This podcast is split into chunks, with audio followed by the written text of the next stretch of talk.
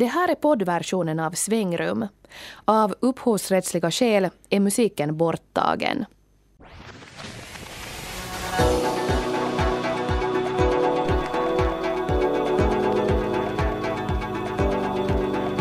Skrika på barrikaderna eller predika för de redan frälsta. Idag handlar Svängrum om dialog mellan olika livsåskådningar.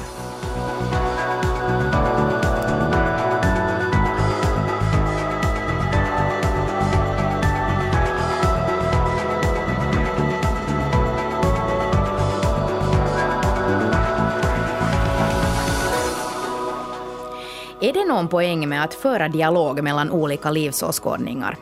Sällan omvänds folk som har en stark övertygelse och det är också svårt att hitta en kompromiss som alla är nöjda med. I den här sändningen ska vi träffa olika människor som är vana att tala med folk som ser världen med andra ögon än de själva. Vi ska bland annat träffa två skäggiga män som båda fokuserar på himlen lite ur eh, olika perspektiv. Eh, astronomen Esko Valtaja studerar stjärnor och svarta hål och annat som har med rymden att göra och biskopen Juha Pihkala försöker förstå vad Gud vill. Och deras brevväxling om stora livsfrågor har blivit två populära böcker. Vi har också träffat poeten Mohammed Omar, den radikala islamisten som har blivit utesluten ur etablissemangets diskussion. Hur ser han på det här med dialog? Ja, jag tycker framförallt att dialogen, det viktiga är att lära sig själv någonting nytt, att man är öppen för inflytande och påverkan från andra så att man ständigt utvecklas. Diskussion hade också förts på Svängrumbloggen och senare i sändningen ska vi höra en panel som består både av Svängrums egna bloggare och en av våra läsare. Hur har diskussionen på bloggen fungerat frågar vi oss bland annat då. Och den här veckan ska vi också få höra vår Japan-kolumnist Isabella Holm. Japan omtalas ibland som världens mest sekulära land. Men hur förhåller sig japanerna till religion? Men det faktum att de flesta japanerna verkar förhålla sig till religion som till ett smörgåsbord, det vill säga man plockar de bästa och mest passande bitarna av allt, innebär inte att deras relation till religion på något vis skulle vara ytlig. Det här är livsåskådningsprogrammet Svängrum med Anette-Marie Forström, Linda Grönqvist och Kira Schröder. Och nu ska vi köra igång med dagens tema som handlar om dialog mellan olika livsåskådningar. Hur går det när en astronom och en biskop diskuterar världsåskådning, moral och etik och frågor som homosexualitet och abort? Ja, rätt så bra skulle man kunna säga, i alla fall om man mäter försäljningssiffrorna på de två populära böcker som har vuxit fram när astronomen Esko Valtaoja och biskopen Juha Pihkala har brevväxlat. Vi har träffat dem båda och vi ska börja med att höra Esko Valtaoja som har sagt att han inte hör till kyrkan just på grund av att han har läst hela bibeln från perm till perm. Men ändå har han orkat brevväxla i flera år med en biskop som är specialist på dogmatik. Det är rätt så många som har frågat mig Eh, sådana vetenskapare mästare, varför liksom slösar du bort tid med liksom att diskutera med en präst, en biskop? Eh, att, eh, vad är det för nytta i det? Och jag tycker att om någon läser det där, våra böcker så jag tror inte att man frågar inte det efteråt. Det är just det där om att, att kunna respektera människan vars alla opinioner man inte nödvändigtvis kan respektera. Och vi, vi har försökt att ha riktig dialog och, och sådan dialog att också de som vill läsa oss fortsätter det här dialoget inom sig själv och, och mellan andra människor. Esko Valtaja som vi hörde här först är den skäggiga professorn i astronomi som med sina populärvetenskapliga böcker om universums hemligheter har blivit något av landets jourhavande vetenskapliga röst. Juha Pihkala å sin sida är den teknikintresserade ingenjörssonen som blev biskop och som nu som pensionär blixtsnabbt svarar på mejl från sin iPhone. Bägge är belästa män som ofta refererar till konst, lyrik och musik i sina två populära brevböcker. När en förläggare för 20 år sedan kontaktade dem för att föreslå brevväxlingen kände de inte varandra. Men som Esko Valtaja tänkte efter den första träffen på Pihkalas arbetsrum. En man som har läst alla de här böckerna kan inte vara helt dum. Men varför tyckte de att den här sortens dialog behövs? Så här säger biskop Juha Pihkala. Det är därför att alla livsåskådningsfrågor är människans frågor. Det, det, det hör till människan som människa. Esko Valtaoja är icke-troende och kallar sig själv agnostiker eftersom han tycker att han som vetenskapsman inte kategoriskt kan säga att Gud inte finns förrän påståendet har motbevisats. Han håller med om vikten av dialog. Även om, om jag skulle ha den åsikten att världen skulle vara ett bättre plats utan religion. Jag, jag, är inte riktigt säker om jag tycker det eller inte tycker, om, tycker så. Men även om jag skulle tycka så, så skulle inte religion försvinna någonstans här i världen. Och det är så ytterst stark kraft så vi som icke är religiösa, vi måste kunna diskutera och tala med folk som är religiösa. Oberoende av religion och oberoende av deras åsikter och oberoende om vi gillar dem eller inte gillar dem. Jag kunde också nu lägga till det här det där islamiska världen som är så viktig nu för tiden här i världen i politik och allt möjligt. Att det är mestadels en mycket liksom sorglig och tråkig exempel av det att, där, där det inte finns dialog. Det finns inte dialog inom in, in, inom islam om, om religion, om dess principer. Det finns ingen dialog liksom mellan islam och, och resten av världen. Och vi alla kan se liksom varje dag vad det har lett till. Och liksom, absolut, det är ingen som vill, vill att vi ska ha i den kristna världen likadant. Liksom. Det finns olika världar som aldrig möter varandra. Jag tycker att eh, det egentligen finns diskussion mellan, mellan islamiska världen och, och kristna världen och västliga världen. Men nu för tiden, det som är extremister det skriker så att eh, man kan inte höra den modesta centrumsdiskussion som fortsätter varje dag. Och jag vet i Mellanöstern händer också sådana dialoger, man, man, man kan inte höra det. Det, det. det är så tyst diskussion. Ja, det är också här i Finland liksom när man, som var och en kan märka när det är det här så kallade diskussion om, om, om, religion i Finland, om kristendom och så vidare, så det är nog extremister som, är, som liksom mestadels är i media. Och jag måste nog säga att jag kan inte riktigt fatta varför inte kyrkan kan säga till dem att håll käft nu redan. Det är inte ni som är kyrka, det är inte ni som är majoritet, ni är en liten minoritet. Därför att det är många människor som tror att det här extremister är liksom den där kyrkans majoritet. Vad säger Juha till det här som har varit biskop? Jag tycker att det, det är just så. så den, den offentliga bilden av kyrkan är falsk i grassrootnivå händer väldigt bra saker och som har ingenting att göra med den här extrema motsättningen. Mm. Och jag hoppas att, att, att man ser att kyrkan är inte svartvit. Mm. Hur har det känts för dig att äh, delta i den här brevdiskussionen? När du började så var du fortfarande biskop. Äh, nu är du emeritusbiskop. Kändes det som att du är på något sätt kyrkans diplomat och att du inte kan uttala dig som bara Juha Pihkala-personen? Det är väldigt svårt att säga. Jag har försökt att tala som Juha, inte som biskop. Men det kan vara så. Det är svårt att eh, skilja de roller. Men jag har inte haft eh, något slags sensor i mig. Ja, hur har det kännats för dig? Har det kännats som att det är en kyrkans diplomat du talar med? Ja, alltså det, det, finns ju olika nivåer. Det har nog först och främst det har varit två människor, Juha och Esko, som det här talat med varandra som, som är två människor. Men å andra sidan vi har ju också varit liksom representanter för två olika världsåskådningar. Och därtill sen den där tredje som jag ibland har lite dåligt samvete, särskilt i början då att det är när Juha ännu var biskop, och jag visste att en biskop måste ju vara också kyrkans diplomat, så jag hade ibland lite dåligt samvete att liksom, jag kan liksom slå hårdare och mer ohejdad än vad han kan. Därför att jag behöver inte vara diplomat, jag, jag representerar bara mig själv och min livsåskådning. Jag hör inte till någon organisation där jag måste vara diplomatisk, som mina arbetskompisar mycket väl vet. ja, men jag har tänkt att jag har inte haft någon vilja att slå mera kraftigt. Det, det är inte... Du är en gentleman, men jag är inte. nej, det är du ett gentleman. Men jag tänk, tänker att i allmän diskussion det är inte alltid nyttigt att slå för starkt därför att eh, reaktionen kan också vara annorlunda, du hoppas. Mm. Jag tycker att, att eh, jag borde lyssna mer och försöka mer att förstå. Och det är väl någonting som jag har lite grann försökt lära från Juha under de här diskussionerna också.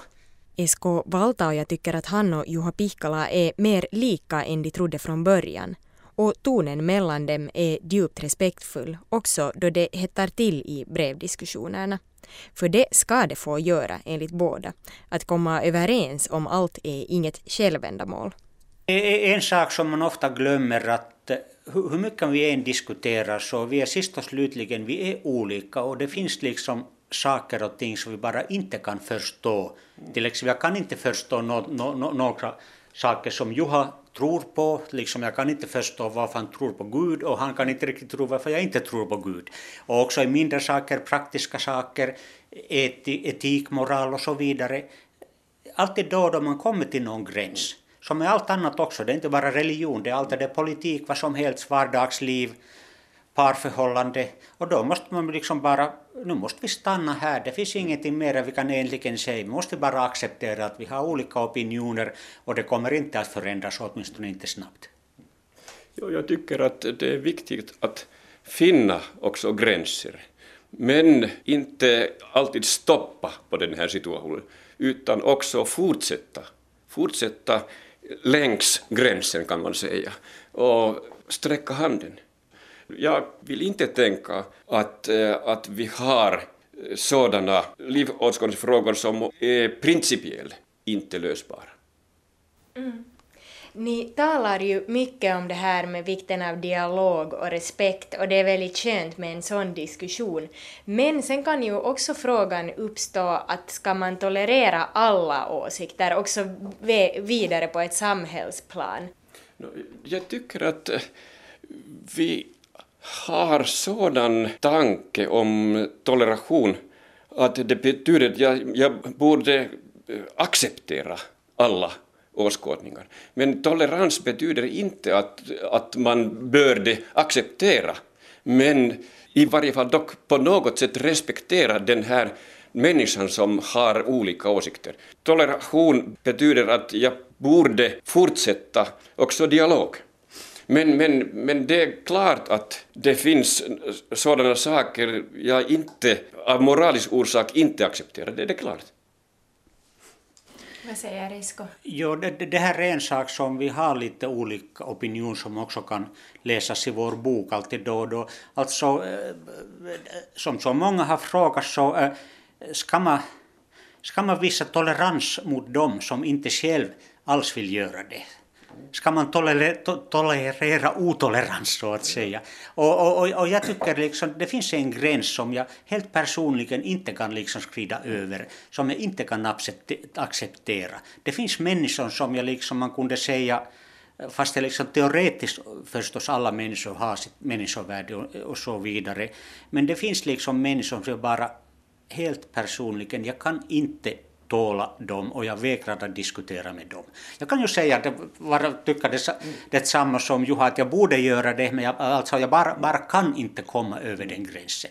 Jag kan inte liksom börja diskutera med det, det mest knasiga fundamentalister eller otoleranta religiösa människor och så vidare, kreationister, vad som helst. Alltså, jag ser inget vett i det.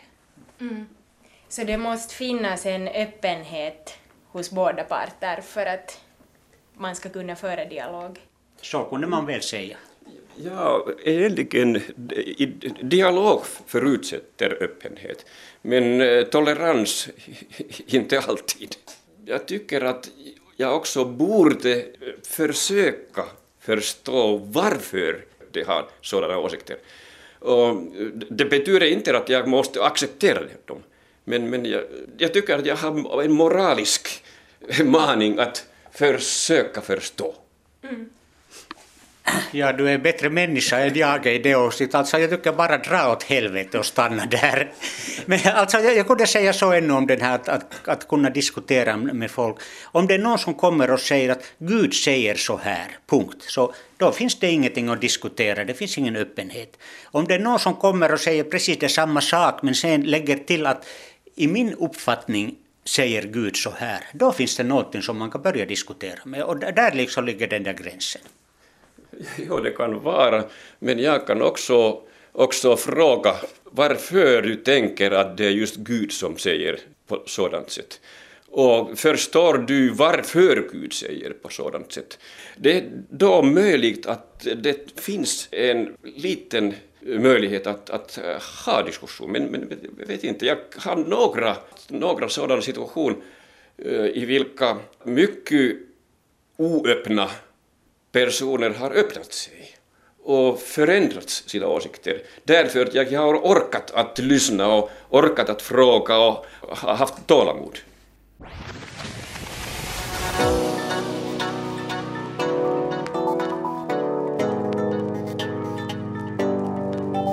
Ja, här till sist hörde vi alltså biskopen Juha Pihkala som då har eh, fört en väldigt lång brevväxling under flera år med astronomen Esko Valta. Ja, det här har resulterat i två brevböcker som har blivit väldigt populära och fått flera pris.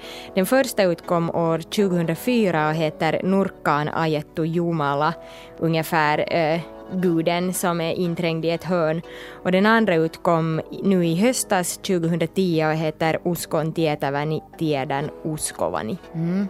Och vi har nu hört två moderata personer som, som vill föra en konstruktiv dialog mellan olika livsåskådningar.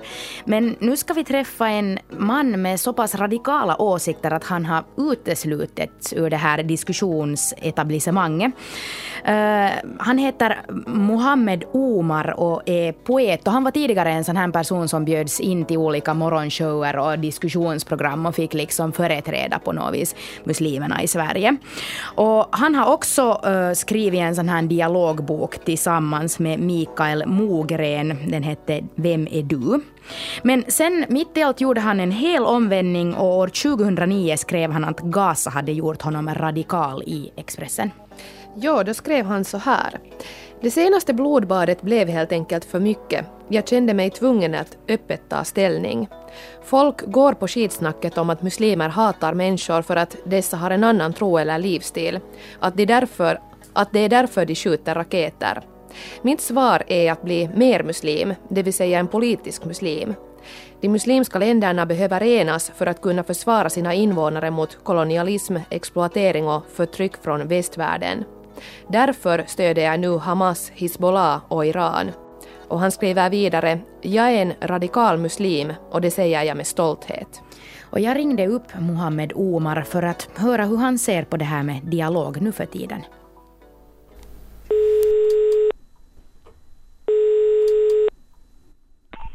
Omar? Nå, hej, det här är Nanette Forsström från Yle Radio Vega i Finland. Ja, hejsan. Uh, har du tid att tala nu eller hur är din situation? Ja. Okej. Okay. tillgänglig. Vad bra. Ja, Mohammed Omar, du har beskrivit dig själv som en stolt radikal muslim, islamist, antisionist och revisionist i fråga om förintelsen. Vad skulle du säga, går det att föra en dialog med en så pass extrem utgångspunkt som din? Ja, man får ha dialog men då blir det inte så att säga på etablissemangsnivå utan det blir på, eh, på en mer informell nivå. Finns det någon som vill diskutera med dig då? Jag har dialog med företrädare för till exempel hinduism, judendom, kristendom och så vidare. Som jag intervjuar och för samtal med också kontinuerligt. Jag har ägnat mig ganska mycket åt att intervjua människor som har kontroversiella åsikter eller som är utanför mainstream de mm. senaste två åren. Ja, vilken sorts dialog är det du själv vill föra eller är det en dialog du vill föra på något plan? Ja, jag tycker framförallt att dialogen, det viktiga är att lära sig själv någonting nytt, att man är öppen för inflytande och påverkan från andra så att man ständigt utvecklas. Man ska inte låsa sig liksom och stänga in sig i ett skal så att man har bestämt sig för hur allting är en gång för alla utan man ska vara öppen och sökande. Man slutar aldrig att söka tycker jag. Mm. Du har radikaliserats men är du fortfarande öppen för andra tolkningar av verkligheten trots att du ställer dig sådär ganska långt ut på kanten så att säga? Jag tycker jag har blivit mer öppen sen jag, jag, så att säga, intog den här radikala positionen mot sådana idéer och åsikter som ligger utanför ramarna för det normala så att säga. Och mm. eh, radikal betyder ju, det är latinets radix som betyder rot. Så att radikal är egentligen motsatsen till extrem om man tittar rent etymologiskt på orden. Eftersom extrem betyder ytterlighet och radikal betyder centrum, djupet. Och jag tycker att på djupet i alla religioner så har vi väldigt mycket gemensamt. Så ju mer radikal man är, desto mer söker man sig inåt mot djupet av religionen. Så tolkar jag det. Mm. Um, ja, du har själv sagt att du är intresserad av dialog, men om tycker du att uh, man från en sån här uh, ska man säga, extrem ståndpunkt, är det liksom den mest um, konstruktiva vägen att gå? Eller sätter man på något vis käppar i hjulet för sig själv? Jag tycker att det har varit tvärtom snarare. Dels vill jag ju extrem är inte ett särskilt lämpligt ord. Jag föredrar radikal. Mm. Så jag försöker att gå till roten och till botten av religionen islam och där finner jag att den har väldigt starka beröringspunkter med andra stora religioner. Och dessutom när man är som jag rör sig utanför det etablissemangets, det politiskt korrekta, då vågar man också beröra sådana frågor som andra inte vågar tala om. Mm. Så då blir det en mer öppen dialog, mer gränslös dialog där man inte är rädd för det kontroversiella. Ja, du sa här flera gånger att du är numera utanför etablissemanget, men hur når du numera ut med ditt budskap? Framförallt eh, då via eh, föreläsningar som vi anordnar i egen regi. Mm. Då jag bjuder in företrädare för andra religioner, andra tänkesätt, ideologier och så vidare. Och så lyssnar vi på dem och vi har eh, diskussioner och så vidare. Så vi har föreläsningar en gång i månaden, men sen dels också mycket via internet, att jag publicerar artiklar på internet. Sen finns det några tidningar också i Sverige, internettidningar som faktiskt publicerar mina artiklar. Och sen händer det också då och då att jag får chansen att komma ut, som till exempel i förrgår, då var jag vid Örebro universitet och föreläste.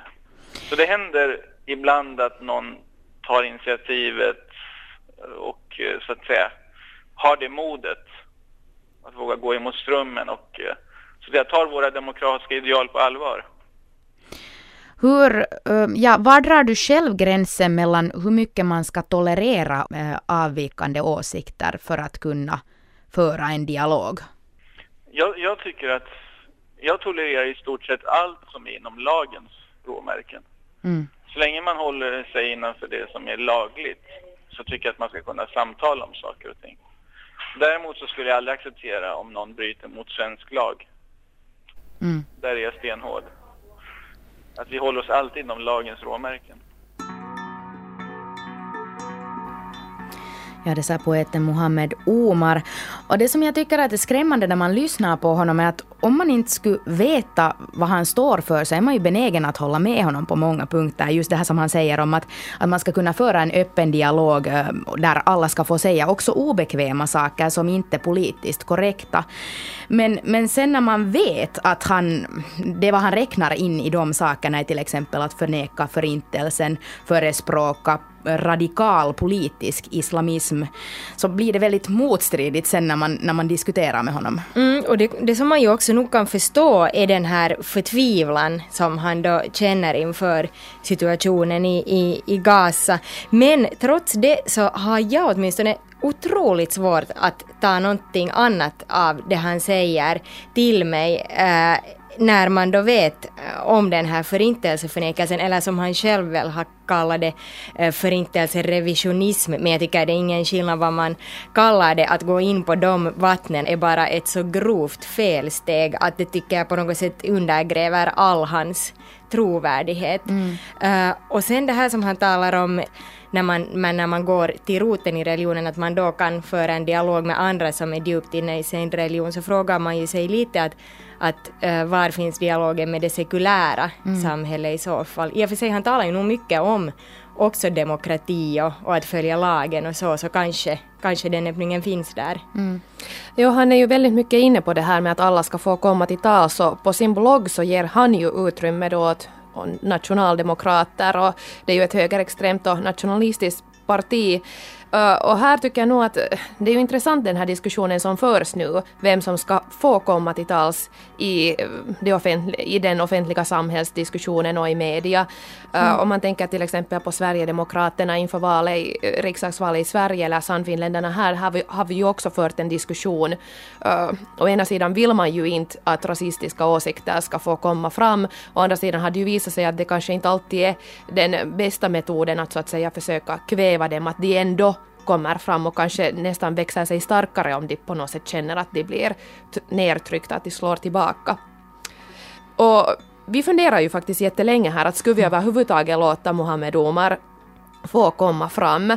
Jo, i Sverige så har de ju inte alltså tagit honom med en tång sen han gick ut och sa mm. att han förespråkar radikal islamism och så vidare. Nej, precis.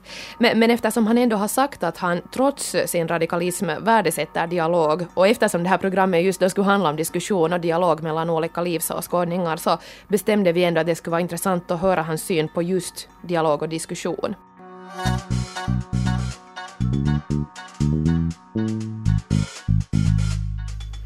Ja, här på Svängrum så försöker vi också bidra till diskussionen mellan olika livsåskådningar med vår egen blogg på svenska.yle.fi svangrum. Den startar ju i mitten av februari och nu har vi kommit upp till 90 inlägg och nästan 600 kommentarer.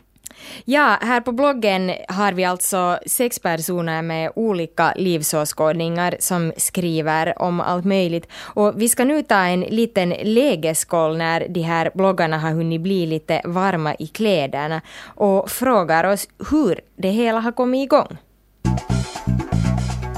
Då säger jag välkommen till våra bloggare Tobias Björkvall och Jenny Wik som är med i en studio i Åbo och sen till vår tredje gäst Jan Edström som dels har kommenterat på Svängrumbloggen och som också är ordförande för Resaforum med religionernas samarbete i Finland. Och vi kanske återkommer till just det lite senare för vi ska börja med att diskutera Svängrumbloggen och jag tänkte vända mig till våra bloggare och kanske Jenny får svara först. Hur tycker du att diskussionen har fungerat här på Svängrum? Ja, no, jag tycker att det började väldigt Eh, så här explosionsartat nästan. Alltså att vi skrev väldigt mycket bloggar och sen kom det väldigt mycket kommentarer också i början. Och jag tror att uh, jag hade inga förväntningar överhuvudtaget så, så för mig var det väldigt roligt att se att det, det verkar som att det kom igång väldigt bra. Sen har det lugnat ner sig lite nu. Det har ju undergått gått några veckor här sedan det började. Men att uh, så där, när det gäller diskussionsnivån så tyckte jag nog att det var väldigt så här lovande. Alltså att det kom mycket sakliga kommentarer och, och det här, inga sådana här personpåhopp eller något sånt, så att man behövde inte vara rädd för något mörkt näthat som kryper fram ur hörnen eller något sånt. Det verkar åtminstone inte komma något sånt och det verkar inte fortsätta på det sättet heller. Så att, ja, jag tycker att det är lovande. Det, men att eh, jag skulle nog gärna också vilja att det kommer mera kommentarer också från, vad ska vi säga, ännu mer så här spridda håll. Mm. Eh, Tobias, vilka är dina erfarenheter? No, jag tycker att hon just stal mitt svar i sin helhet ganska bra egentligen. Men att det där, ja, det, det började explosionsartat eh, som hon sa också och det hade jag kanske förväntat mig och sen att det skulle börja lite lugna ner sig. Men jag tycker att diskussionen har varit relativt saklig och väldigt aktiv och från olika, olika synpunkter, men att, eller synvinklar. Men mera skulle nog kanske också kunna det här, Jan Edström, du som då inte är en av våra bloggare utan snarare en av våra läsare. Hur har du uppfattat diskussionen på Svängrumbloggen? Jag tycker den har varit helt saklig och mm. inget, inget så här överslag åt något håll. Däremot så tycker jag att eh, det har varit lite svårt att, att, att hitta hitta en, en, en, röd tråd i det som skrivs och sägs för att det, det är ganska spretigt nu just. Alla vill säga allt om allt och, och det, det, fungerar inte riktigt för att då vet man inte heller som varken som läsare eller som eventuellt kommentator till någon av de här blogginläggen vad man riktigt ska ta fasta på och, och det, det har jag saknat. Att jag, jag, jag, började, jag började diskutera i en, i en bloggtråd och tyckte att det här är intressant och, och, sedan när jag hade sagt mitt så ungefär så, så fanns det kanske inte så mycket mer att säga i det, i det blogginlägget. Men, men sen, sen när man skulle titta vidare att var, var, var ska jag hänga på nu? Så det, det är väl någonting som, som hör till barnsjukdomar när man, när man börjar med en, en ny bloggsida, ett sånt här nytt forum. Att, att man vill väldigt mycket och, och, och sen, sen blir det ganska spretigt. Men jag tror att det, det ordnar nog upp sig och jag välkomnar också ännu mera kommentarer till alla de blogginlägg som görs. No det här då, ni är ju, eller på svängrumbloggen är det då flera olika livsåskådningar. Där ska vi säga, där finns ateister, agnostiker, troende och folk som tror på olika saker. Vilka, vilka är de största utmaningarna när man ska diskutera tillsammans och ha så olika utgångspunkter? Ja, kanske att det finns en sorts balans också. att, eh, att det, här, det är bra att det finns nu personer som skriver som har många olika, eller som har olika synvinklar. Att, att till och med också fast det finns, eh, vad ska vi säga, två ateister eller sådana här icke-troende, eller tre om man räknar med mig då som är agnostiker, så, så det här har vi ändå väldigt olika åsikter ibland om olika saker, samtidigt som jag kan hålla med om vad, vad några av de här kristna bloggarna skriver om, eh, eller kan ha liknande värderingar och så här. Så att det här, ja, men är det en värdefull ja. diskussion? Va, va, vad tycker du Tobbe? Det, det är kanske, som någon, någon kommenterade också någon gång för länge, länge sedan, i tidens begynnelse var det att alla, det är ganska, kanske inte riktigt så här mysstämning, men att ändå lite att, att det där faktum är kanske att uh, det är en värdefull diskussion, ja, men det, den skulle kanske kunna spela en större betydelse ifall det skulle vara mer polariserade åsikter, kanske. Ja, det vet man ju inte eftersom det inte åtminstone ännu är ja. på vi, det sättet. Vi håller ganska mycket med om olika saker. Att egentligen det som, det som det, man märker ju sen direkt när det kommer sådana frågor som klyver sönder, eller vad ska vi säga, som är mer så här konfliktfyllda saker. Ja. Som är just det här med, med det här gudstro till exempel. Och, och sen förstås då vilka olika åsikter kyrkan eller olika representanter i kyrkan har om, om till exempel homosexualitet och sånt här. Så där märker man att det kommer sådana skilda åsikter. Och då tycker jag att, att det har tagits upp väldigt många liksom, intressanta synvinklar men att det har inte ännu på det sättet uppnåtts någon sån här ja vad ska man kalla det? Så det finns ett visst flyt i den där diskussionen men det är väldigt lätt också att den bara försvinner sen ut i sanden. Alltså det kommer aldrig någon sån här, eh, någon sån här fint slut. Utan det är, alltid, det är alltid en sån här diskussion som pågår och sen hänger den ju hemskt mycket på det att man fortsätter att diskutera och det, det kan ju finnas ibland en sån här barriär att börja gå hemskt mycket in på djupet på saker som folk kanske inte har tid att sitta och, och liksom skriva väldigt svåra te eller texter om väldigt svåra saker. Jan, du ville mm. kommentera mm. någonting? Ja, alltså förutsättning för all dialog det är ju att man vet uh, vilken livsåskådning man har. Mm. Och att man är förtrogen med innehållet i det man tror på. Annars är det väldigt svårt att diskutera med någon och då blir det väldigt mycket tyckande. Och det är ju helt bra i och för sig, men det är ännu inte en livsåskådning att man tycker någonting. Utan en livsåskådning betyder att man grundar det på någonting, en övertygelse som går lite djupare än att man diskuterar vädret. Och, och det, det, är naturligtvis väldigt viktigt. Det andra förutsättningen för dialog är att man lyssnar. Vi har faktiskt två öron och en mun. Nåja, nu har vi också två, två händer att skriva med på våra tangenter. Så att, men, men i alla fall att man lyssnar till varandra. Och det är ju ganska utmanande att föra en dialog med det skrivna ordet när man inte ser varandra. Det är också utmanande att föra en dialog och det här samtalet när en av parterna sitter i en studio i Åbo. Och det, det, det, för det, det visar att vi behöver, när vi för ett samtal med varandra så är vi engagerade till hela vår person. Och det, är vi inte nödvändigtvis när vi skriver vid en dator och inte träffas. Utan då, då blir det väldigt avgörande vilka nyanser vi för fram genom språket. Och då är språket oerhört viktigt, mycket viktigare när vi sitter här och kan se varandra och, och, och kanske med våra röster förmedla någonting också. Och, och om, vi, om vi då liksom för in ett så här vanligt vardagligt talspråk i våra blogginlägg och så här så, så kan det lätt bli otydligt.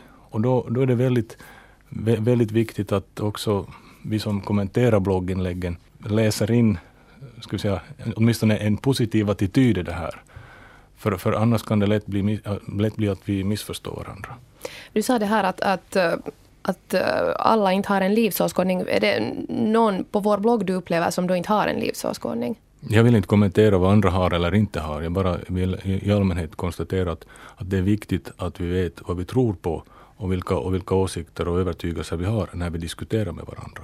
Om inte man förstås tar en sokratisk approach till det hela och helt enkelt säger att man inte vet, man, att man i och med, eller ska säga, i och med det här inlägget eller diskussionen helt enkelt vill göra en, jag vet inte, håller du med mig eller inte men, men, men så tycker jag det i alla fall. Att, att det finns ju en viss, okej okay, jag kan personligt, personligen kan säga att jag har åtminstone inte ännu hittills har jag inte utgått från att vi i ett inlägg ska på något vis tillsammans eller med andra komment som kommenterar komma fram till någonting visst. Men att, men att det är ju kanske, tål ju kanske att tänka på.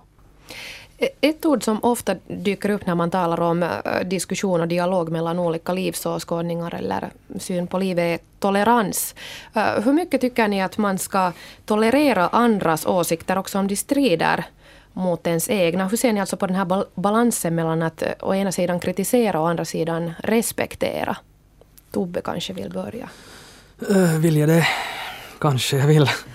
Det där, ja, det där är nog en bra fråga i och för sig. Men det, där, men det är klart att så, det, det, finns, det finns en viss gräns av intolerans som jag själv så att säga orkar tolerera. Och det där, jag har väldigt svårt med till exempel No, vi kan nu ta det här som senast har varit på tapeten, det här, äh, den här diskussionen om homosexualitet till exempel. Stå på dig-kampanjen. Stå på dig-kampanjen till exempel. Som, som, som jag, jag, jag, jag vet inte, jag har inte något no, no, klart svar på det där, på din fråga att hur mycket ska man och var ska man dra gränsen och var ska man sätta den, den ena linjen och den andra linjen. Jag vet bara det att jag själv har väldigt svårt att respektera sådana människor som, som till exempel som gjorde den här Stå på dig-kampanjen. det, det, det berör, ska vi säga som så att det finns ju det där gamla ordspråket som säger att dina rättigheter tar slut där den andra människans rättigheter börjar. Och det är, jag tycker det är en sak att, att, att tolerera och respektera vad människor tror på. Då, om det nu handlar om, om olika gudars eh, existens eller icke. Men när det sen helt nästan klart och tydligt börjar gå in på, på att, att, att så att säga vara aktivt mot andra människor eller vissa grund, grundliga mänskliga rättigheter eller det ena med det andra, så då, då där tar jag åtminstone själv så tycker jag att det finns en gräns för vad man ska, vad man ska så att säga måste stå ut med och tolerera. Ja, alltså jag tänkte också att det här är ju en oerhört svår fråga. så, som, som, alltså det är ju jättesvårt att beskriva egentligen vad man tycker. Att, för att, om man tänker på sig själv då, utgående från sig själv så har man ju alltså vissa gränser alltid alla människor har ju gränser, eller sådana integritetsgränser, eller, eller vad man, vad man liksom är, blir arg på eller blir provocerad av, också fast det inte handlar om ens egen, ett eget liv, men man kan liksom för andras skull också bli eh, arg på vissa åsikter eller, eller bli upprörd. Och det här det är ju helt mänskligt, alltså att man reagerar så. Och det är ju förstås eh, man måste ju kunna ändå på det diskutera det. Och, och det här, i, det här, i den här frågan, just med det här med, med den här kampanjen och, och den här diskussionen om homosexualitet, så, så, så är det ju absolut åtminstone inte bra om den här diskussionen tar slut. Alltså att det bara blir ett sånt här att man ställer sig på sina olika sidor och så bestämmer man att, att vi kan aldrig komma överens om det här. Att för, för min del så blir jag ju också jätte så här ledsen på, på den här typens äh, händelser, alltså att, att man liksom har sådana här kampanjer i den här stilen. Och jag kan ju också ta upp att jag blir väldigt så här ledsen på olika sådana här rasistiska utlåtanden och sånt. Men att samtidigt så, så tyckte jag ju också att det var lite så här intressant det här att att de som stå, har sådana här åsikter, jag vill inte nu klumpa ihop till exempel den här kristna gruppen med rasister, men alltså de som har sådana åsikter som går emot mina egna, att, att jag måste liksom också tolerera det, att, att det här, de har olika orsaker. Det kan ju, på det sätt och vis kan jag tolerera det. Men sen är det här ordet tolerera lite besvärligt för att för, att för mig så betyder det också att, att, att man liksom tar en sån här från ovan synvinkel, alltså att jag tolererar dig. Det är, liksom, det är inte liksom ett steg som är ända ut till att respektera eller att, att liksom ta någon på samma nivå eller att liksom föra en dialog där man anser att båda människorna är på samma nivå i, eller har någon slags, att man har samma värde eller, eller jämlika. Att det här ordet tolerans är på det sättet också lite besvärligt för att för att var, var, liksom, varför har jag liksom rätten att säga att jag tolererar vissa folkgrupper eller vissa människor? Att har inte de liksom, alla har ju liksom sin rätt att existera och ha sina åsikter på det sättet. Så jag vet inte, på något vis måste man också kanske prata om att respektera. Och jag kan inte liksom respektera den åsikten. Men att jag får väl tolerera att den finns. Jag tror att här kommer vi in på en viktig fråga. Det vill säga att det är skillnad på att respektera en åsikt och människors rätt att ha sin åsikt. Mm. Ja. Uh, jag, har, jag har noll respekt för de förtäckta rasistiska utspel som Sannfinländare har gjort de senaste åren. Men jag har eh, full respekt för deras rätt att ha sin åsikt. Och där, där, där är den stora skillnaden. Sen är det ju klart att vi alla då genom våra samtal och dialoger deltar i det stora samhällsbygget. Och där är det viktigt att vi kan föra fram våra åsikter på ett, på ett klart och tydligt sätt och respektera vår rätt att ha dem och föra fram dem trots att vi inte accepterar åsikterna som de just är. Men, men eh, var gränsen går, det är ju hela tiden det pågående arbetet i vårt samhällsbygge, att dra gränserna tillsammans. Och det, det är ju därför som det blir lätt en inflammerad diskussion, därför att vi gör lite olika gränsdragningar. Någon kan tycka att det finns kristna fundamentalister, men det finns fundamentalister i alla livsåskådningar. Och det, fin det finns sådana såna människor som, som, som har väldigt extrema åsikter och också väldigt extrema eh, livssyner utan att, att de är religiöst betingade. Så, så att eh, det, det, det är frågor som går väldigt djupt i, i den mänskliga erfarenheten och därför är det viktigt att kunna både analysera dem och diskutera dem. Då säger jag tack till våra bloggare Jenny Wik och Tobias Björkvall och vår tredje gäst Jan Edström. Tack. Tack. tack.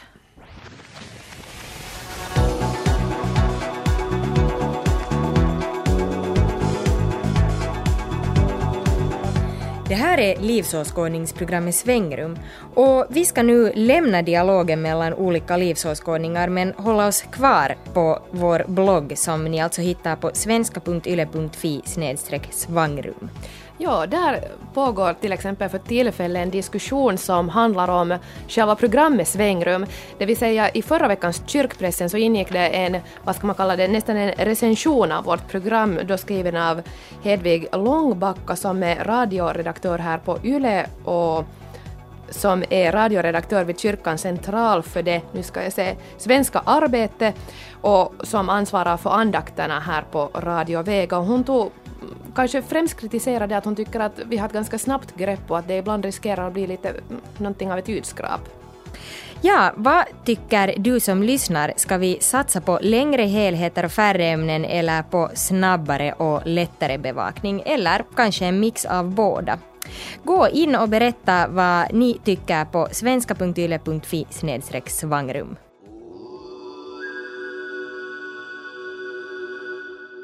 Den här veckan har vi ingen moralväktare, men däremot ska vi presentera ett nytt moraliskt dilemma som den här gången är lite mer vardagsnära än förra gången. Mm. Ett par har precis gjort slut efter att ha varit tillsammans i flera år. Precis efter uppbrottet upptäcker kvinnan att hon är gravid. Efter moget övervägande beslutar hon sig för att göra abort. Ska hon berätta det här för sin expojkvän? Har han rätt att veta om att hon har varit gravid och tänker göra abort? Och har han någonting att säga till om? Ja, gå in och berätta vad ni tycker att det är rätt. Eh, vi läser upp en del av svaren i nästa sändning. Och Moralväktaren är tillbaka nästa vecka och då får ni höra musikern Emma Kemppainen som är medlem i bandet LCMDF. Eh, som musiker är det ju kanske lite förvånande att hon tycker att det är okej att ladda ner musik olagligt. Om du köper den där skivan rakt från musikerns hand eller om du köper en, en biljett till en livespelning så då eh, är man säker på vart pengarna går. Men annars går det säkert till helt fel fickor. Men nu ska det handla om någonting helt annat.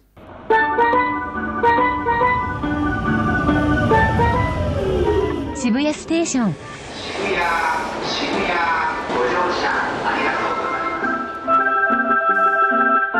Och det här är signaturmelodin för vår Japan-serie Shibuya Station med Isabella Holm, där hon talar om olika aspekter av det japanska livet.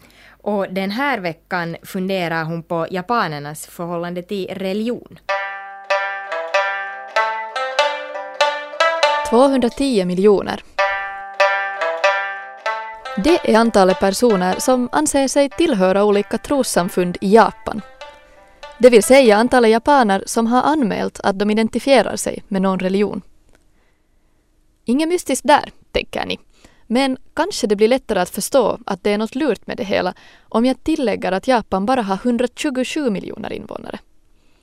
210 miljoner av 127 miljoner. Det, det är alltså nästan dubbelt upp. Hur räknar de riktigt?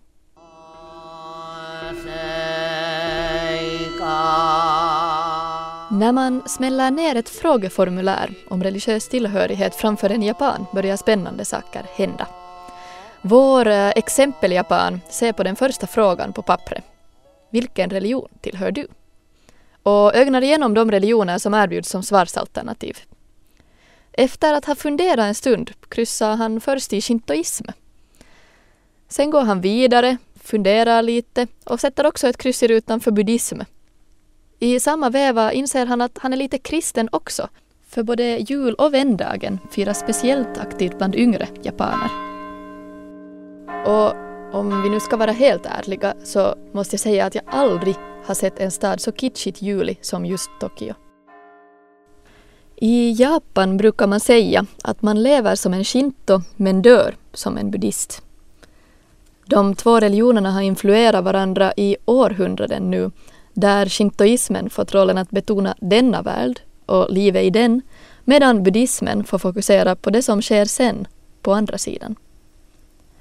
Synen på religion i Japan är alltså extremt synkretisk. Det här betyder att man så att säga tar russinen ur bullen eller söker in influenser från många olika håll. Religionerna ses helt enkelt inte som något som direkt utesluter varandra utan kanske snarare som traditioner som, som no, samspelar på ett lite mer horisontellt plan.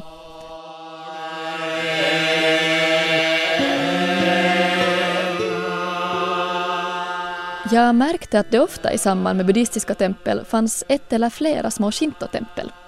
Det här är ju ett ganska konkret tecken på hur två i sig rätt olika religioner till och med kan dela på samma tomt.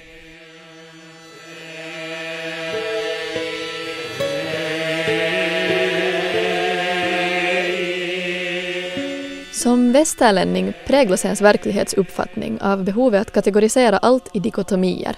Ett antingen eller. Det kändes frustrerande att det inte var tydligt markerat om ett tempel nu var shinto eller buddhistiskt.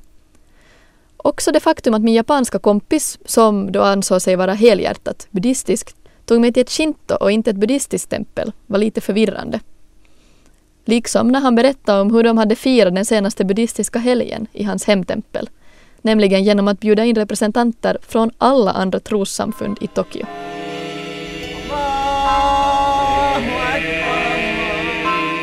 Man blir ju yr av mindre. Man kan ju fråga sig om denna öppenhet och ju mer vi är tillsammans mentalitet är helt genuin. Handlar det om ett kulturellt arv relaterat till det faktum att shintoismen och buddhismen har varit så sammanflätade i hundratals år? Å andra sidan är det här ju något som historiskt sett inte har fungerat så bra i västvärlden, trots att många religioner varit rätt så sammanflätade.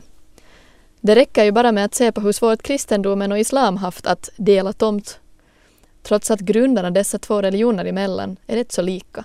Eller handlar det här nu bara om det att Japan verkligen är världens mest sekulariserade land, som vissa, speciellt många japaner själva, vill påstå?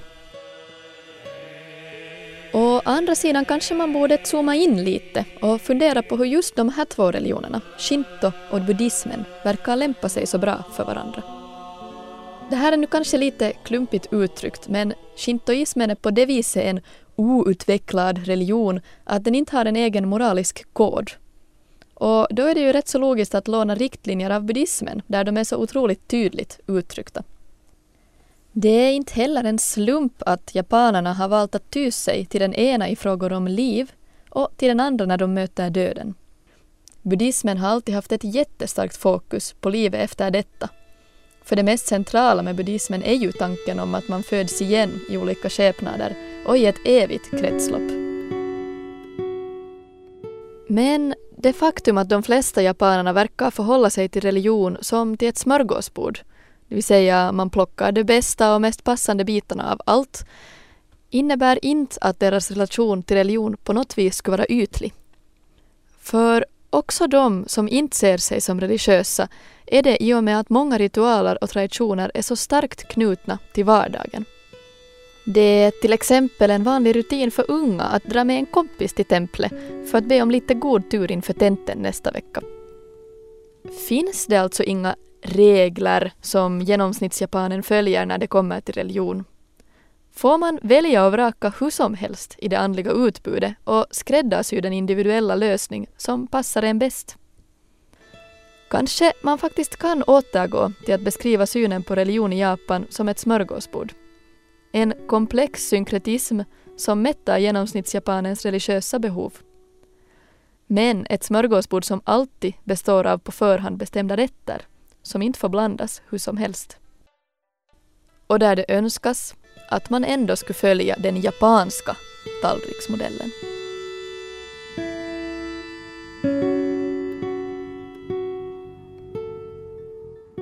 Ja, det var alltså Isabella Holm som stod för den här kolumnen. Mm. Och nu börjar det dra ihop sig mot slutet här på den här sändningen av Svängrum. Men nästa vecka så ska vi bidra till valdebatten med att granska värdediskussionen inför riksdagsvalet. Det är alltså nästa vecka. Kom ihåg att lyssna på oss då också. Hej då! Hej då! Hej då!